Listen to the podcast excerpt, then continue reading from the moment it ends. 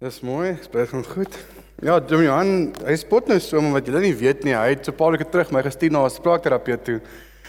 Dat hy my kan analiseer. en hier na so lekker na so lekker gesprek, nou maak sy klop notas en sy sê, "Rian, okay, nommer 1, jy praat vinnig." Ek sê, "Ja, ek weet."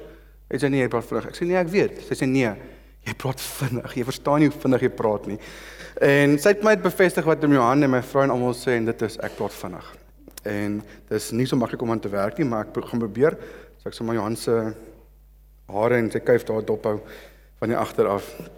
Maar goeiemôre. Ek is volgende nog op my sien en wees. Dis eers kyk soos Dom Johan gesê dat ek in twee dinge se preek en ook in die middel van 'n kwartaal. So nie die vakansie graveyard shifts of of so nie.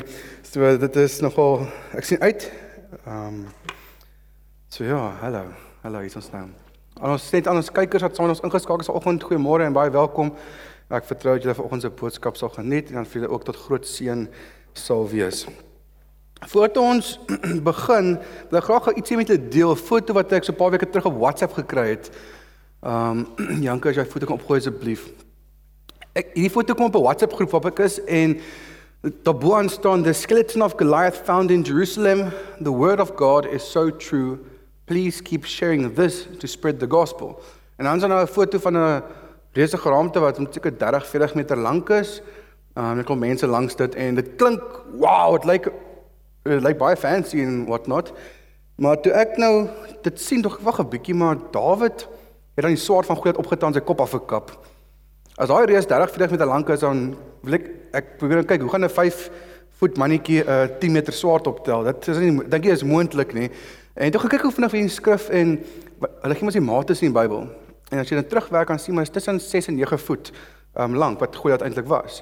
So hy was nie so lank gewees nie en die foto ontstaan my toe want dit is op 'n groot publieke groep ge geplaas. En wat dit doen is dit doen afbreek aan ons getuienis as kinders van die Here want ons moet staan vir die waarheid. En ons moenie dinge deel op Facebook of social media as dit nie waar is nie, as ons nie bronne bevestig het nie. Um dit dit doen skade aan ons geloofwaardigheid wanneer ons wel mense met mense die waarheid moet deel. So dis net 'n herinnering vir my gewees en ek wil maar met julle ook net deel. Ons moet versigtig wees wanneer ons iets op social media deel. Ehm um, veral soos nou ook iemand stuur 'n artikel aan oor die oor koronavirus en ek stuur dit aan 'n groep en ek dink toe wag wag kom ek hou eers af, kom ek maak seker oor die bron en toe is dit eintlik verkeerd en so ek amper in daai wat ek het in daai stuk getrap. Maar ek het hom vinnig uitgesorteer. So vir oggend kyk ons na die wapenrusting. Ons is besig met die reeks identiteit, maar voor op die wapenrusting uitkom, ons is besig met identiteit en so 'n paar weke terug het Tommy Rickert Botha vir ons die reeks afgeskop en gekyk na nou, wat beteken dit vir my as kind van God in die nuwe identiteit? Wat gebeur met my? Wat beteken dit? En toe Domino Han daarna die laaste paar weke met ons gesels oor wat beteken dit om 'n kind van God te wees? In die nuwe identiteit is ek totaal en al vergewe en ons het gepraat oor vergifnis wat ook op 'n moeilike onderwerp is. En dan ons kyk na die huisesin van God. Verskillende ouderdomme, uh, jy het volwassenes en jong volwassenes in die huisesin van God, net so in ons geestelike lewe ook. En daarna ons kyk na die liggaam van Christus en laasweek oorwinnaars in Christus. Indien jy enige van die preke gemis het, wil ek graag aanmoedig om dit te gaan kyk. Dit is aanlyn beskikbaar by YouTube en op die kerk se webtuiste en op Facebook. Maar ek wil jou graag um, uitnooi om op YouTube as jy search Tygerberg Gesinskerk klik subscribe en dan 'n klokkie knoppie langs dit. As jy daai knoppie druk, dan sal jy kennisgewing op jou foon of e-pos ontvang soos nuwe preke opgelaai word as of as daar 'n um, 'n livestream is wat begin. So voordat ons verder aangaan, kom ons kyk na die tema teks. Ons tema teks vir die reeks is 2 Korintiërs 5 vers 17. Ehm um, ek wil graag hê jy moet saam met hardop sê, iemand wat aan Christus behoort, is 'n nuwe mens. Die ou is verby, die nuwe het gekom. Kom ons lees hom nog 'n keer saam. Iemand wat aan Christus behoort, is 'n nuwe mens. Die ou is verby, die nuwe het gekom. Ek en jy met ons nuwe identiteit, ons is 'n nuwe mens. Die ou is verby, dis klaar, dis agter ons. Ons moet nie altyd teruggaan en terughinker na die ou lewe toe nie. Ons het 'n nuwe blaadjie omgeslaan as te ware in die Here Jesus. So, vanoggend kyk ons na die wapenrusting. En ek wil ons het so 2 jaar terug het ons die Bybelstudie gedoen oor die wapenrusting naam is dis oorlog. Ek weet nie of wie van julle dit onthou nie, maar indien jy dit nog nie gedoen het, jy wil graag die Bybelstudie aflaai, jy kan die Bybelstudie aflaai by www.bybelstudie.co.za. Ek het hom daar opgesit, so dis oorlog is daarso ehm um, beskikbaar. So voordat ons na die hoofteks kyk, kom ons sluit jou se oë en dan bid ons saam. Vader, ons sê vir U dankie vir die wonderlike dag wat U vir ons gegee het. Dankie dat ons vanoggend almal saam by mekaar kan kom. Maak saak wat by die werk of by die huis op pad hiernatoe gebeur het, Here, maar waar ons net vir oomblik kan rustig word en saam kan tyd spandeer in die woord, dat ons kan luister na wat dit is wat die woord sê en ons daardie bemoedig kan word. Here, kom spreek tot ons harte en ja, Vader, ons sê vir dankie hiervoor. Amen. Amen. OK, blaai asseblief saam met my in jou Bybels na Efesiërs 6 vers 10 tot 20. Efesiërs 6 vers 10 tot 20.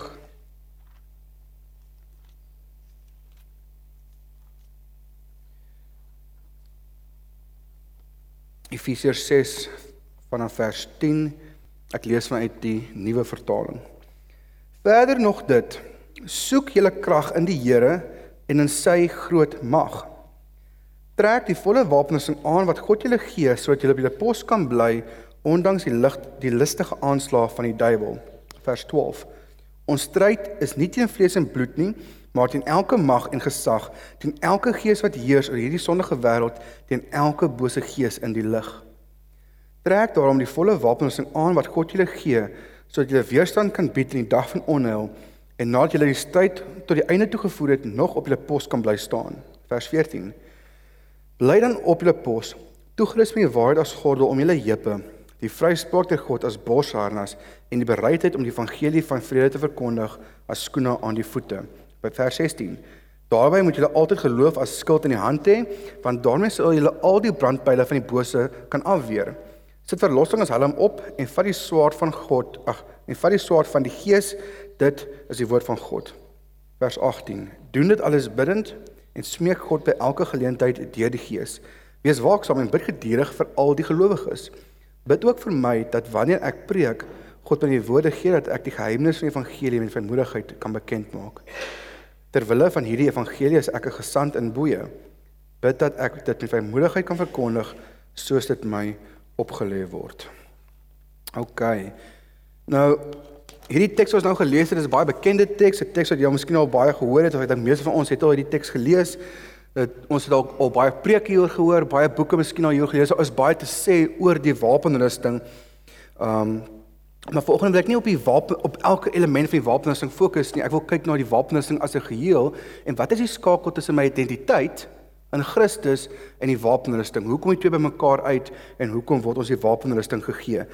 Nou, om daai vraag te kan antwoord, moet ons na die brief van Efese as 'n geheel kyk en ek gaan net vinnig vinnige opsommingkie gee oor Efesiërs. Ehm um, want Dominee sê altyd as ons 'n vers lees in die Bybel, moet ons eers kyk na wat is die konteks van die vers? 5 verse voor, 5 verse na, né? Nee? En in hierdie geval gaan ons net 'n paar hoofstukke, ons gaan nie al die hoofstukke lees nie, so moenie worry nie. Ek het vir ons 'n vinnige opsomming gemaak. So kom ons kyk gou wat gebeur hierson. Paulus is hy, hy kom in Efese aan, ons sien in Handelinge 19 en Efese is 'n groot stad. Dit is 'n baie groot stad waar en dit is dis die middelpunt van Griekse gode en aanbidding. So daar's baie afgoderry wat daarso um, in Efese gebeur. En jare later is Paulus in die tronk en hy skryf vanuit die tronk hierdie brief aan die mense in Efese ongeveer 60 na Christus. En die hooffokus en tema van die brief is liefde en eenheid. Nou as jy na die brief aan die Efesiërs kyk, kan jy hom in die middel deursny en die eerste 3 hoofstukke fokus basies op die roeping van die kerk. Paulus verduidelik die evangelie, hy kyk na wat moet die kerk doen, wat word van die kerk verwag ensovoorts.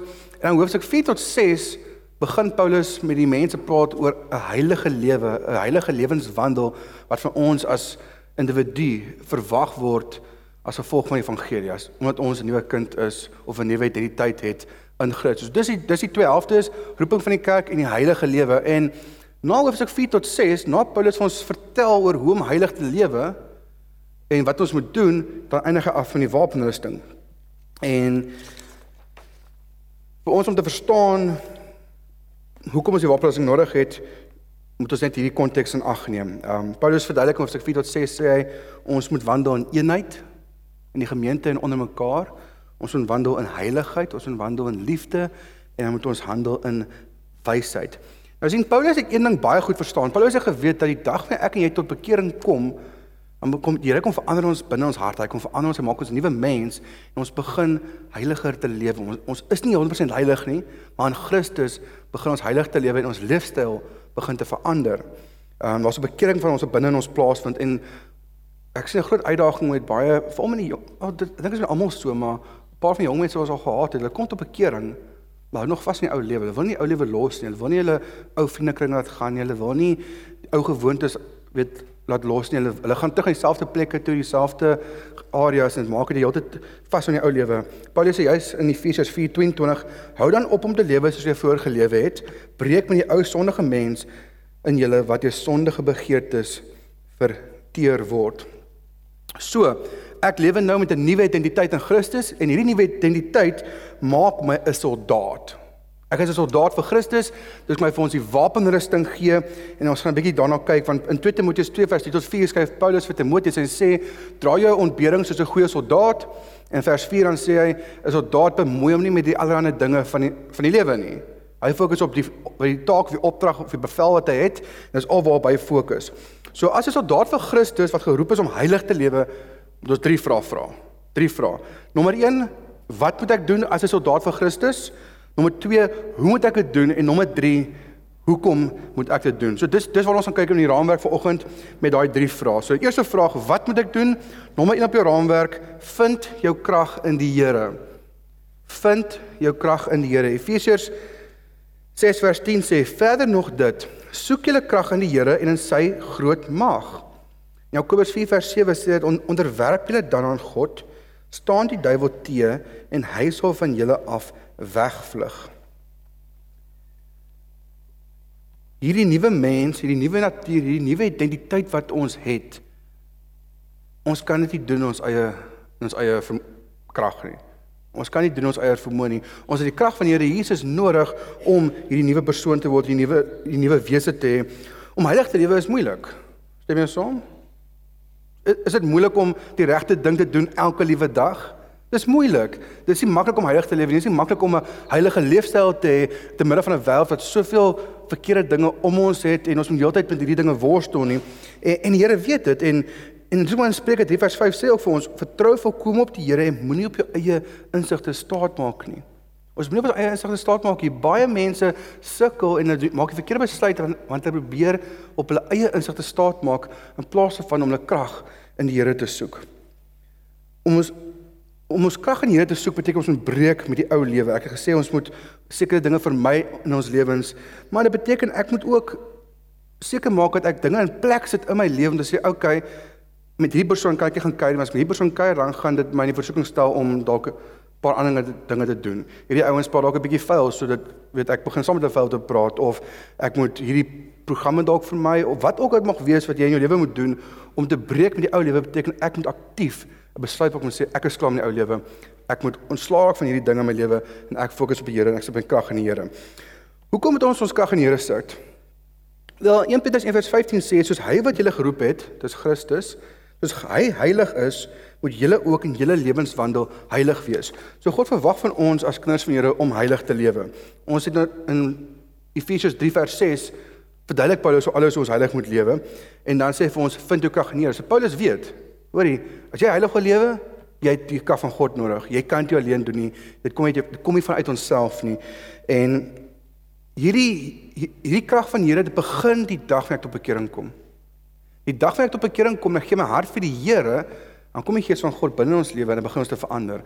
Hy maak ons 'n nuwe 'n nuwe mens. En dis ons op 'n verhouding moet begin fokus. Ons het 'n verhouding met die Here nodig. En ek dink ek sê altyd vir jong mense, verhouding kan net ontstaan as daar kommunikasie is. Jy het kommunikasie nodig vir 'n verhouding. En ons kommunikasie met die Here is wanneer ons die woord lees, dan weet ons wat hy van ons verwag, wat hy sê ensovoorts en ons praat weer teenoor hom, ons moet bid. So gebed is 'n kernaspek om ons krag in die Here te vind. Wanneer ons bid, dan soek ons ons krag in die Here. Wanneer ons bid, dan rig ons ons oë op die Here en ons hou ons oë van ons probleme af. En ons is geneig om ons probleme of ons situasies vas te kyk. En dan dink ek maar, hoe gaan ek hierdie ding hanteer? Hoe gaan ek hierdie goed weerstaan? Ek ek sukkel nie mee, maar ons is oop en ons fokus op die verkeerde plek. Maar hoe meer tyd ek spandeer in gebed, dan hoe meer krag gaan ek kry want my fokus is daar op die Here. Efesiërs 6 vers 18 na die wapenrusting Dan sê Paulus: "Doen dit alles bidtend en smeek God by elke geleentheid deur die Gees." Gebed is 'n kernaspek om ons krag by die Here te kry. Ek kan nie multitask nie. Ek kan nie twee dinge gelyk doen nie. My vrou sal dit beamoen. Ehm um, as ek op die rekenaar besig is of ek werk, maak saak wat ek doen. As ek as ek 'n ding voor my besig is, my vrou kom ingestap en sy begin met 'n gesels en eh, wat wat doen ons as mans? Soos mhm, mm ja, ja, ja, so liefie, reg so. Okay. En toe later dan kom sy in en sê, "Het jy dit gedoen?" Ehm um, wat gedoen? Ehm uh, ek het jou gesê so en so. Wanneer het jy vir my gesê? Nou, hoor jy, dan gee sy vir my kyk en soos twee dae terug, toe op die rekenaar besig was, het ek vir jou so en so gesê en jy het gesê, "Mm, mm ja, ja." En dan sê ek nie moeilikheid. Ehm um, ek kan nie op twee dinge fokus nie, maar ek ek ek is dan nie enigste en jy dink meeste mans sukkel miskien daarmee. Ek die vrouens mag dalk so stamp in die man en sê, "Mhm, mm ja." Ehm um, maar nog iemand wat reg sukkel met fokus is Dom Johan. Dominee Johan, hy kan nie op twee dinge gelyk fokus nie. Ek weet nie jy dit weet nie. Ons werk ek werk baie lekker saam met Dominee Johan, maar as ek met Dominee Johan se kantoor instap en hy is besig om te werk op sy foon of op sy rekenaar, hy's besig en ek kom in en ek sê, "Hey Johan, ehm um, so so so so en so dan hy kyk my, maar sy oogies blink net so. Dit is so ja, ja, ja. OK. Dan sê ek, "Kyk, kyk dit doen." Dan staan hy blank en sê, "Wag." Waarvan praat jy nou weer? Wat wil jy doen? En dan moet ek weer van voor af begin. So ek weet nou al as ek met hom Johan wil gestel, dan sê ek Johan, het ek jou aandag? Dis nee maar wat sit gou sit gou hierdie foon asseblief. Maak dit jou rekenaar. ek moet seker maak dit se aandag en ons as mense sukkel so net met mekaar. Hoeveel te meer nie met die Here en met die wêreld nie. Ons kan nie op die Here fokus en ons op probleme gelyk fokus nie. Dis of een of die ander een. Toe my ander eendag vir my toe ek jonger was, my geleer dat as hierdie God is, As ek met God besig is om my rug gedraai op die wêreld. Maar wanneer ek met die wêreld besig is om my probleme en die sonde en goed, ons sy rug gedraai op die Here. Ek kan nie altyd besig wees nie. Dis of die een of die ander, ons moet ons krag vind in die Here. So die gemeente in Efesië Paulus sê vir hulle moet heilig lewe, hulle moet reg lewe. En hy sê vir vir hulle maar julle moet julle krag in die Here vind. En die vraag is, hoe vind ons ons krag in die Here? En Paulus sê vir hulle, trek die wapenrusting aan. Nommer 2, trek die wapenrusting aan. Dit is hoe ons ons krag vind in die Here. Efesiërs 6 vers 11 sê, trek die volle wapenrusting aan wat God julle gee. En dan in Kolossense 3 vers 10 skryf Paulus vir die gemeente in Kolosse en hy sê, leef nou die lewe van die nuwe mens. Anders ons moet lewe soos ons nuwe identiteit, né? As 'n soldaat van Christus. En dan sê hy wat al hoe meer vernuwe word na die beeld van sy Skepper. Anderswoorde hierdie nuwe hierdie nuwe lewe van my, my nuwe identiteit, ek word al hoe meer soos Jesus.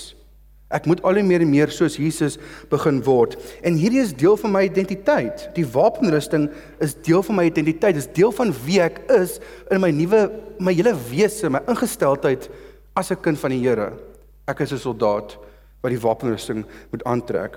In Romeine 13 vers 12 skryf Paulus: "Die nag is byna verby. Dit is amper dag. Laat ons dan ophou met die werke van die duisternis." Dan sê die volgende: "Laat ons die wapens van die lig opneem." Laat ons die wapens van die lig opneem. Wat beteken dit? Lig is sinoniem met 'n heilige en voorbeeldige lewe in Christus. By ons Nuwe Testament lees dan lees ons dat ons as Christene is 'n lig vir die wêreld, lig vir die nasies, 'n lig op die berg is en ons paar um, simboliek vir lig gebruik word. En net soos kinders van God met ons nuwe identiteit moet ons in die lig lewe en op ons pos wees reg vir Satan se aanslag en ons moet die wapens optel. So, hoe lewe ek as iemand van die lig? Hoe word ek lig?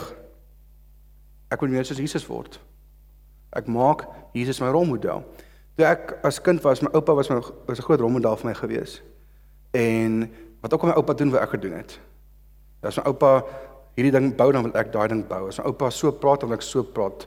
En my oupa was 'n groot rolmodel gewees van hoe om die Here te dien ook en ek het graag sy voorbeeld gevolg. Dit was 'n groot inspirasie gewees.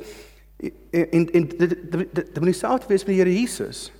Want 'n rolmodel is iemand soos wie jy graag wil wees. Jy kyk op na hulle, jy wil praat soos hulle, jy wil aantrek soos hulle, jy wil hare kam soos hulle. Dit mense kan nogal reg behep raak met rolmodelle. Maar dit is wat ons moet doen om die wapens aan te trek met ons Jesus ons rolmodel eh, maak. En ek gaan nou verder verduidelik. Soos ek al hoe meer gelykvormig word aan Jesus, hoe meer prominent word die wapenrusting in my lewe. Dis 'n spontane proses. Myne 12 vers 2 sê Laat God julle verander deur julle denke te vernuwe. Jy sien wanneer ek die woord bestudeer, ek begin die Bybel lees, ek begin lees oor Jesus, wat Jesus gedoen, hoe Jesus gelewe, hoe hy opgetree het teenoor die mense daar buite, hoe hy opgetree het teenoor mense binne in die kerk, wat was sy gesindheid geweest, wat was sy hart geweest teenoor die mense, wat het hy als geleer? Soos ek die Bybel lees en al die dinge oor Jesus leer, dan begin ek dan begin posvat in my lewe. Ek begin op te tree soos Jesus. Ek begin te dink soos Jesus. En my lewe begin Jesus outomaties te weerspieël soos die soos die Bybel in ons harte begin um posvat. In 2 Korintiërs 3 vers 18 skryf Paulus ons word al meer verander om aan die beeld van Christus gelyk te word. Met hierdie nuwe identiteit van wat ek het as kind van God, is die doel vir my om meer en meer soos Jesus te word. En hier is die skakel. Wanneer ons aan die wapenrusting kyk, dan sien ons karaktereienskappe van God. Ons sien Jesus. Ek gaan nou vir julle vinnig verduidelik. En toe ek hier besef wat asof hy so 'n groot wow oomblik gewees soos wow, ek het dit nie geweet nie. Um daar's 'n YouTube kanaal met naam The Bible Project. The Bible Project. As jy nog nie dit gekyk het nie of van hulle weet jy seker graag aanmoedig, gaan kyk 'n bietjie na hulle inhoud. Hulle het baie goeie animasie video's waar hulle teologiese beginsels, Bybelse temas, um, verse en boeke en goeters die storie van die Bybel verduidelik en het baie goeie teologiese agtergrond sowel as geskiedkundige agtergrond. En ek het al 'n video gekyk oor Efesiërs om te verstaan waar gaan Efesiërs. En aan die einde van Efesiërs, hulle verduidelik vir jou die twee helftes en wat aangaan in die twee helftes. En aan eindig hulle skielik en sê en daar's die wapenrusting.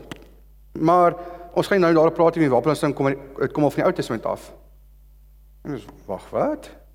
Ou Testament, wapenrusting. Het julle julle geweet die wapenrusting kom in die Ou Testament voor? Ek het nie geweet nie. Wapenrusting in 'n meer of in 'n minder of meer mate kom voor die Ou Testament en hulle gee drie verse, ek gaan kyk daarna. En ek sien toe in Jesaja 11 vers 5 sê dit in Engels righteousness will be his belt and faithfulness is the sash around his waist. In die ou vertaling sê dit en geregtigheid sal die gordel van sy lendene en trou die gordel van sy heupe wees. In Jesaja 49 vers 2 sê dit hy het my mond soos 'n skerp swaard gemaak. Daar's die swaard, ons het die beld, ons het die ehm um, die sash. En dan in Jesaja 59 vers 17 sê dit he put on righteousness as his breastplate and the helmet of salvation on his head. He put on the garment of vengeance and wrapped himself in zeal as in a cloak. Ek dink toe, "Wow, wat gaan hier so aan? Dit hier's wapenrusting, beeldspraak wat voorkom in die Ou Testament. Ek gaan kyk daarna, dis sien ek hulle is besig om die Messias te beskryf. Hulle is besig om die Here Jesus Christus te beskryf. En toe besef ek maar die karaktereienskappe wat Paulus noem, dis eienskappe van God.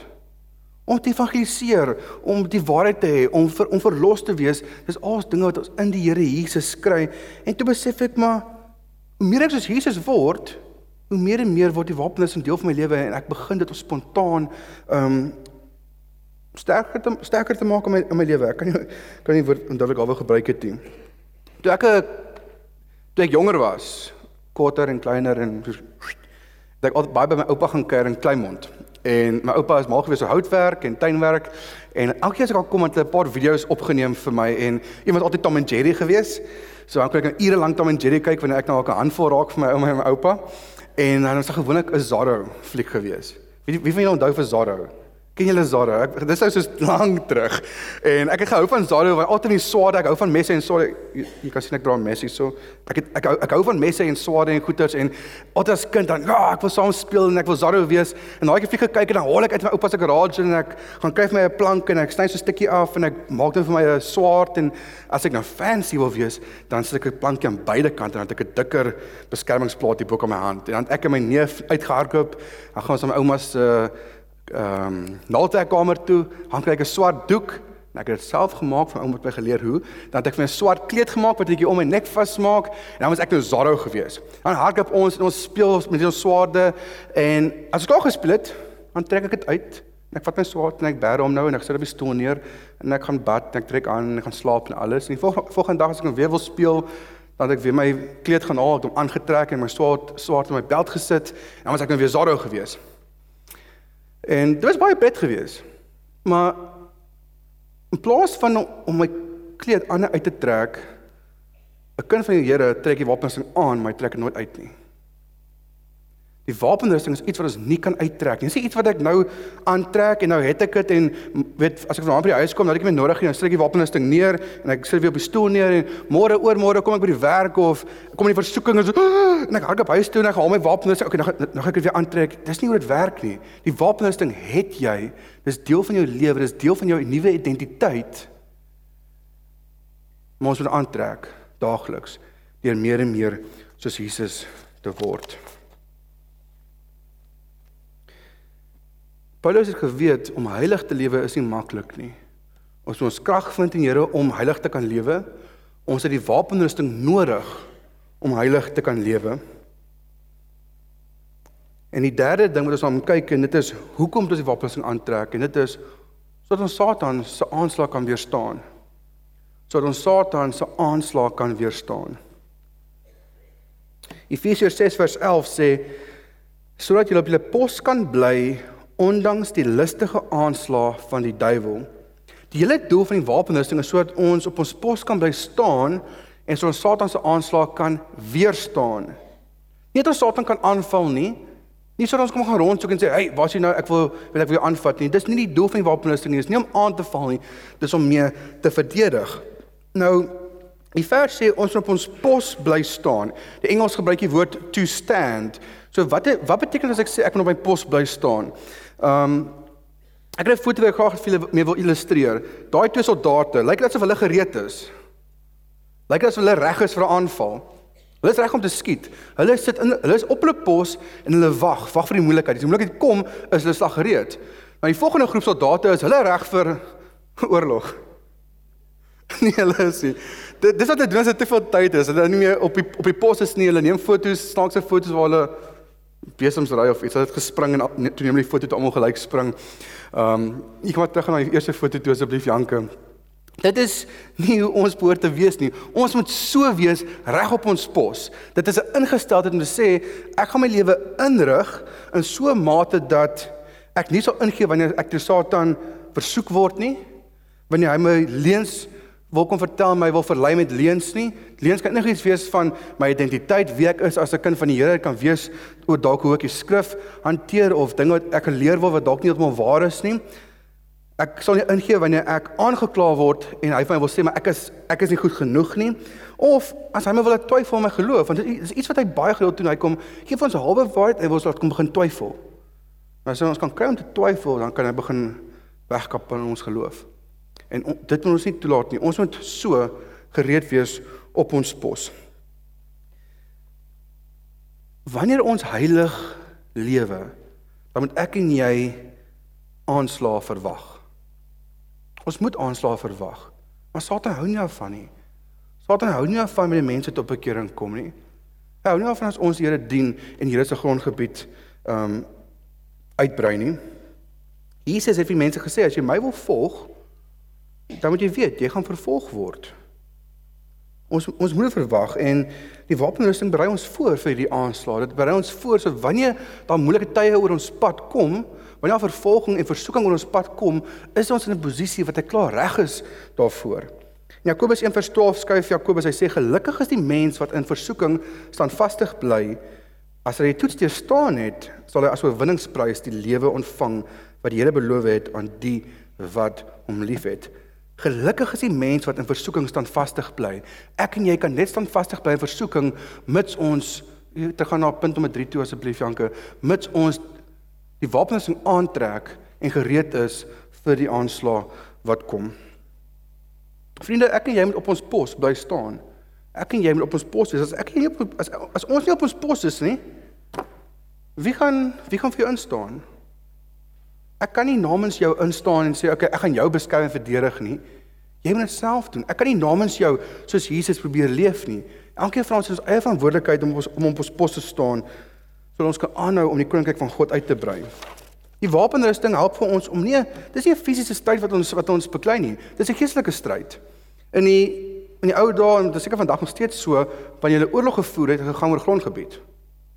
Ek mag ek is nog 'n bietjie jonk. Ek kom hier die army uit. Ek het nie agtergrond nie, maar soos ek verstaan gaan 'n grondgebied. So hulle sal 'n sekere beklei vir 'n sekere plek en dan sê ek nou is ons lands grense daar of die boot daar in Amerika en daai bote. So het hulle mos gecommand and conquer wat ook al.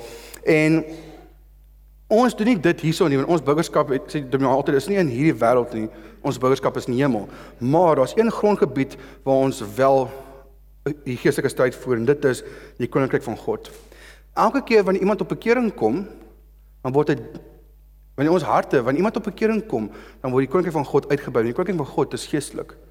Dis in ons harte. En wanneer iemand op bekering kom, dan moet hy begin leer oor die Here Jesus. Hy moet begin leer oor die woord en die wapens aantrek want Satan gaan hom kom versoek. Maar hy versoek word dan is hy in 'n posisie dat hy kan vas staan en dat hy nie ehm um, nie hoef te worry nie. Kenneth, jy kan slank um, opkom asseblief. Vriende, in baie oorloë word beklei oor grond, oor olie, oor goud of wat ook al. Ons is nie geroep tot 'n fisiese stryd nie. Ons is geroep tot 'n geestelike stryd. En alhoewel ek en jy nie Satan moet aanval nie, ons moet hom weerstaan. Is daar een grondgebied waar ons behoort te beklei. Dit is om siele te wen vir die Here. As daar een grondgebied is waar ons behoort te fokus en sê op hierdie grondgebied, ek wil op die in Engels sê the front lines, ek wil op die heel voorste punt wees besig om te beklei vir hierdie stryd van die Here. Ek wil help om siele te wen vir die Here. Want elke siel wat ons wen, by die koninkryk van God uit. Dit brei God se grondgebied uit. En hoe meer mense tot tot bekering kom, hoe meer mense kan 'n wapenrusting aantrek en saam met ons die geestelike stryd aandurf. Ek weet nie waar elkeen van ons op hierdie stadium is in ons lewens nie. Ek weet nie wat is wat ons dalk mee worstel by die huis of by die werk of in ons verhoudings of wat ook al nie. Ek weet ek ek, ek weet nie. Maar een ding wat ek wel weet is ek en jy moet fokus om meer en meer soos Jesus te wees sodat ons ons wapens kan aantrek en ons kan opdaag en sê hier is ek. Ek wil deelneem aan hierdie geestelike stryd. Ek wil opdaag um vir hierdie oorlog. As jy in 'n moeilike situasie sit en dinge gaan nie soos jy wil hê, moet gaan jy 'n bietjie vra, byt 'n bietjie vas. Byt 'n bietjie vas. Sit jou sit jou fokus op die Here. As jy fokus op die Here af, kan jy nie jou wapens aantrek nie. Hou jou fokus op die Here, jy wapens aantrek en hy sal help om te dra deur die moeilike omstandighede. Nou dalk is van ons vanoggend nie op dit maar op ons pos nie. Dis moontlik. Dalk sit van ons hierso wat sê ek is nie op my pos as ek behoort te wees nie. Ek is nie slaggereed nie. Partykeer vang dinge my onkant en dit maak dat ek struikel of dalk vaak in versoeking. Dis oukei. Okay. Maar kom ons staan op en ons fokus om die wapens aan te trek en te sê, maar weet jy wat? Ek wil saam ywer vir die koninkryk. Ek wil saam beklei vir die koninkryk. Rian, Dominee Johan, Dominee Chris, Ons wil saam met julle inspann en ons wil werk vir die Here. Kan ek dit van julle vra? Sal julle saam met ons die wapensing aantrek? Sal julle saam met ons kom veg vir die Here om te sê, weet jy wat, ons wil verskil maak in hierdie dorp, in hierdie omgewing, in hierdie land, by die werk, waar ook al ek is, wil ek Jesus uitleef in so 'n mate dat as die mense om my kyk dat hulle die lig kan sien. Dat ons die geestelike grondgebied van die Here kan uitbrei. Hierdie tyd kan ons nie alleen aanpak nie. Ons het mekaar nodig. En ek sluit af met 'n heel laaste gedagte en dit is wanneer ons fokus op die Here is, nie op ons omstandighede nie. Wanneer ons fokus is op die roeping wat God vir elkeen van ons het om siele te wen vir hom. In 2 Timoteus wat ek nou nog gelees het of gesê het, skryf hy 'n soldaat bemoei hom nie met die alle met die alledaagse dinge nie. Solank as ons fokus op die Here is en om siele te wen, Het ons nie tyd om onder mekaar te kibbel en daar's nie tyd vir risie en moeilikhede en goeters nie. Daar sal eenheid en liefde wees onder mekaar. Maar ons het die hoofdoel voor oë en dit is om siele te wen vir die Here. Ons moet wapens aantrek en saam beklei. Asseblief vir ons mekaar nodig. Amen. Amen. Kom ons sluit die oë en bid ons saam. Vader, wanneer ons aan u woord kyk, kan besef ons Here dat u dat u ons regtig vir red, Here, en dat u vir ons in die nuwe wese, die nuwe identiteit kinders van U maak. Here, U help vir ons, U gee vir ons die krag wat ons nodig het om te kan verander binne in ons. Ons kan dit onsself doen nie en soos U ons verander, Vader, help U ons om vir U te kan werk, om vir U te kan lewe. Here, ek wil bid vir U vir ons kom kom bemoedig vanoggend, Here, wanneer ons hier uitstap en ons huis toe gaan, ons werk toe gaan, wat ook al is wat hierdie week dalk moet gebeur. Here, dat ons fokus op U sal wees om meer en meer soos Jesus te word sodat sodat u die wapens in ons lewe meer sigbaar sal maak dat dit weer na vore toe sal kom sodat ons reg sal wees vir die aanval van die duiwel. Want Here, u het hom klaar oorwin en in u is ons oorwinnaars. Ons sê vir dankie vir liefde en genade. Amen. Amen. Vriende, kom ons staan en ons sing ons die laaste lied saam met Kenneth. Dankie Kenneth.